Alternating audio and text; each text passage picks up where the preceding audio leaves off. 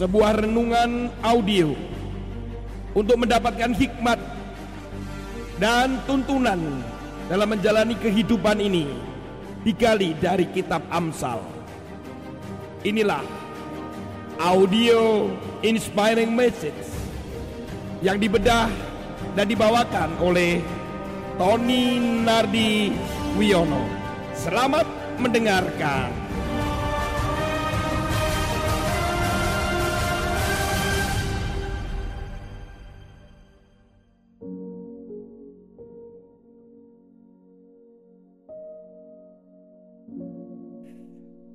Shalom, saudara kekasih dalam Tuhan, Bapak Ibu sekalian, kita akan masuk dalam pembacaan firman Tuhan yang terambil di dalam Amsal pasal yang ke-14, ayat yang ke-19. Orang jahat tunduk di dekat orang baik, orang fasik di depan pintu gerbang orang benar. Saudara, ayat ini ditulis sedikit saya menjelaskan lebih dahulu bahwa ini gambaran bahwa Orang yang jahat, orang yang fasik itu sepertinya mengemis, minta perlindungan dalam ketidakberdayaannya dia kepada orang yang baik. Di depan pintu gerbang pada zaman dahulu di Yerusalem itu kalau ada pintu gerbang di situ pasti ada orang-orang miskin, orang-orang yang kusta, orang yang sakit, mereka ada di pintu gerbang itu untuk mengemis, meminta sedekah begitu.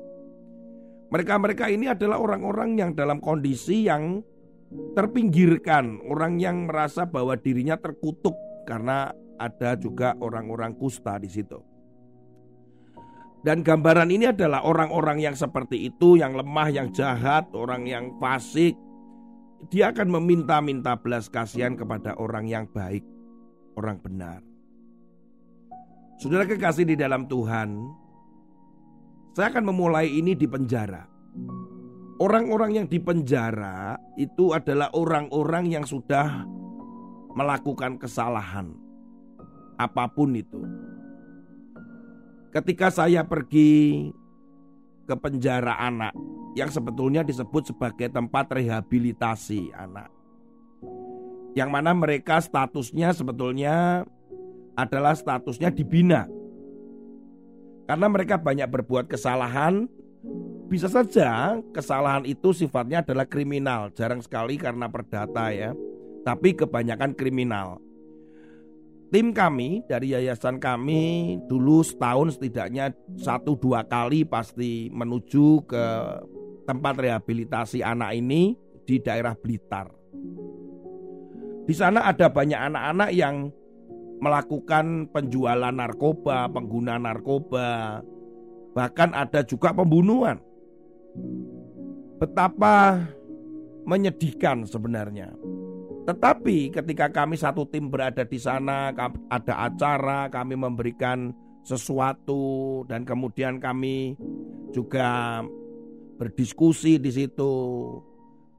Harapan kami adalah mereka belajar sesuatu kemudian karakternya terbangun, semangat motivasinya terbangun, terjadi perubahan. Percaya atau tidak saudara bahwa mereka yang ada di sana itu adalah orang-orang yang sangat sopan. Kekhawatiran-kekhawatiran kami dahulu bahwa ketika kami ada di sana maka kami akan dibully. Mereka orang-orang yang liar, orang-orang yang atau anak-anak yang uh, tidak bisa diatur begitu. Itu semua pandangan yang salah. Ketika kami ada di sana, malah kami melihat sebaliknya. Bahwa anak-anak ini adalah anak-anak yang sopan, yang mau membantu, anak yang bisa diatur, anak-anak yang ya mudah lah dibandingkan, maaf, orang-orang atau anak-anak yang ada di gereja membuat kelompok, kemudian membagi kelompok, kemudian berbaris dan sebagainya mereka begitu cepat, mereka tenang. Ketika berjalan di lorong mereka mengucapkan selamat pagi atau selamat siang dengan sangat sopan menundukkan kepalanya. Saudara kekasih di dalam Tuhan, ini adalah gambaran sebenarnya bahwa ketika orang itu bersalah, ketika orang itu pernah melakukan sebuah kesalahan, maka orang ini akan mencari perlindungan, orang ini akan mencari orang-orang yang baik orang-orang yang benar. Bahwa dia pada kondisi salah itu sudah terpuruk. Dia sepertinya mengemis minta belas kasihan. Saudara kekasih di dalam Tuhan. Itu adalah gambaran kita sebenarnya. Kita pernah berbuat salah. Kita pernah berbuat atau menjadi orang yang fasik itu yang disebutkan di dalam Amsal.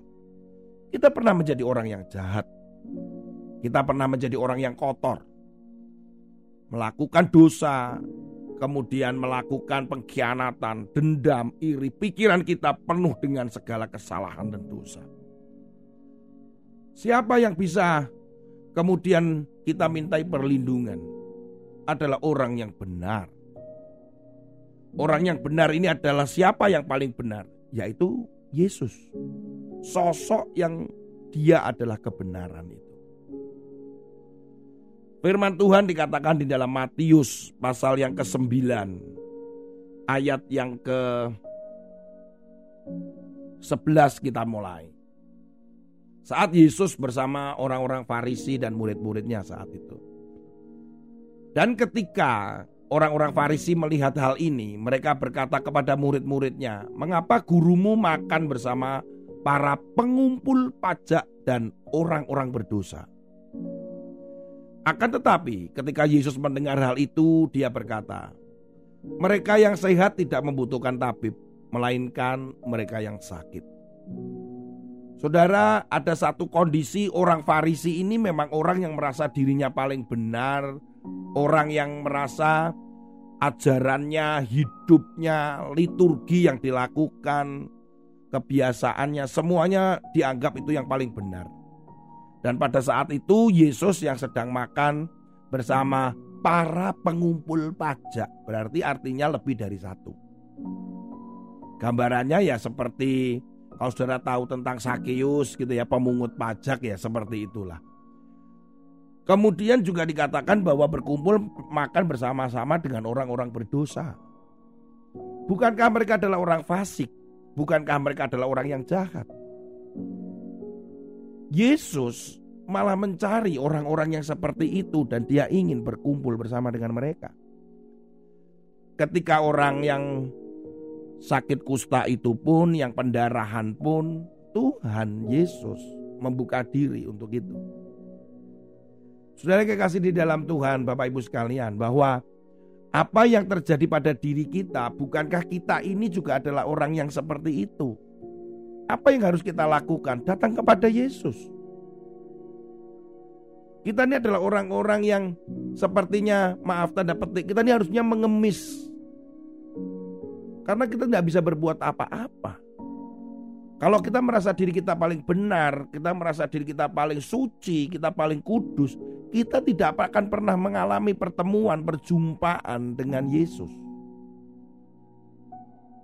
Malah orang-orang yang hatinya hancur di dalam keterpurukan, terpencil, diabaikan, orang yang berdosa, itulah yang sebenarnya akan menemukan perjumpaan itu bersama dengan Yesus.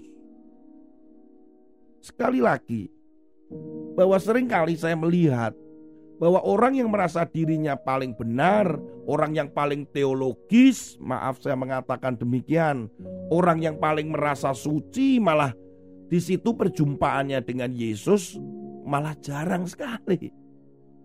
Tetapi orang-orang yang dalam ketidakberdayaan, orang yang jahat, orang yang fasik, karena orang-orang seperti itu sedang mencari siapa yang bisa dia pegang, siapa yang bisa bisa melindungi dia. Sebuah ilustrasi dari sebuah kisah keluarga kami mungkin bisa menjelaskan hal ini. Di keluarga kami ini, saudara, karena kami punya dua keluarga besar yang ada dan tinggal saat itu di dalam satu area yang sama. Dan terjadi perseteruan, saudara, hingga sampai saya SMA, keluarga yang satu dengan keluarga yang lain. Itu karena diakibatkan dari sebuah kisah yang diceritakan kepada saya bahwa ternyata itu berawal dari kakak saya yang tertua itu melakukan sebuah kesalahan ketika bermain kelereng kemudian kakak saya menggunakan ketepel, kemudian menembakkan ketepel itu dan mengenai dari saudara kami. Dan saat itu orang tua dari saudara kami keluar dan marah-marah dan kakak saya merasa bersalah karena memang sudah melukai atau menyakiti uh, saudara kami. Saat itulah kakak saya kemudian lari ke rumah, kemudian bersembunyi dan dia memanggil mami saya. Dia berlindung karena dia sudah melakukan sebuah kesalahan. Dia berlindung mencari orang yang bisa benar dan melindungi dia. Dan saat itu dia berlindung di balik tubuh mami saya. Dan kemudian mami saya keluar dari rumah dan terjadilah pertengkaran antara mami saya dengan saudara saya, keluarga sebelah. Dan sejak hari itu terjadi perseteruan sehingga saya sampai SMA. Saudara kekasih itu adalah gambaran sebenarnya bahwa ketika satu orang berdosa, maka dia akan mencari bagaimana supaya dia mendapatkan perlindungan. Di situlah dia akan menemukan sebuah pertobatan seharusnya. Nah saudara kekasih di dalam Tuhan, jangan merasa dirimu paling benar, paling teologis, paling suci, paling wah saudara.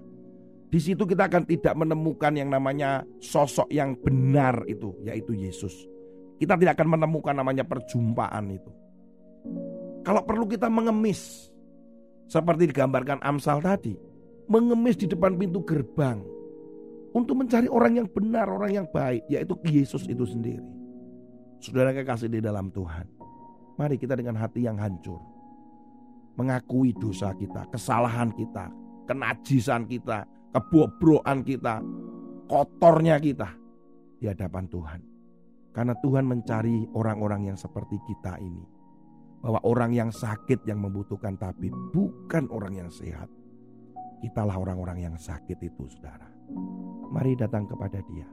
Minta ampun, dipulihkan, mengalami perubahan di dalam hidup. Dan temukan perjumpaan itu setiap hari dalam hidup saudara. Tuhan Yesus memberkati. Amin. Ku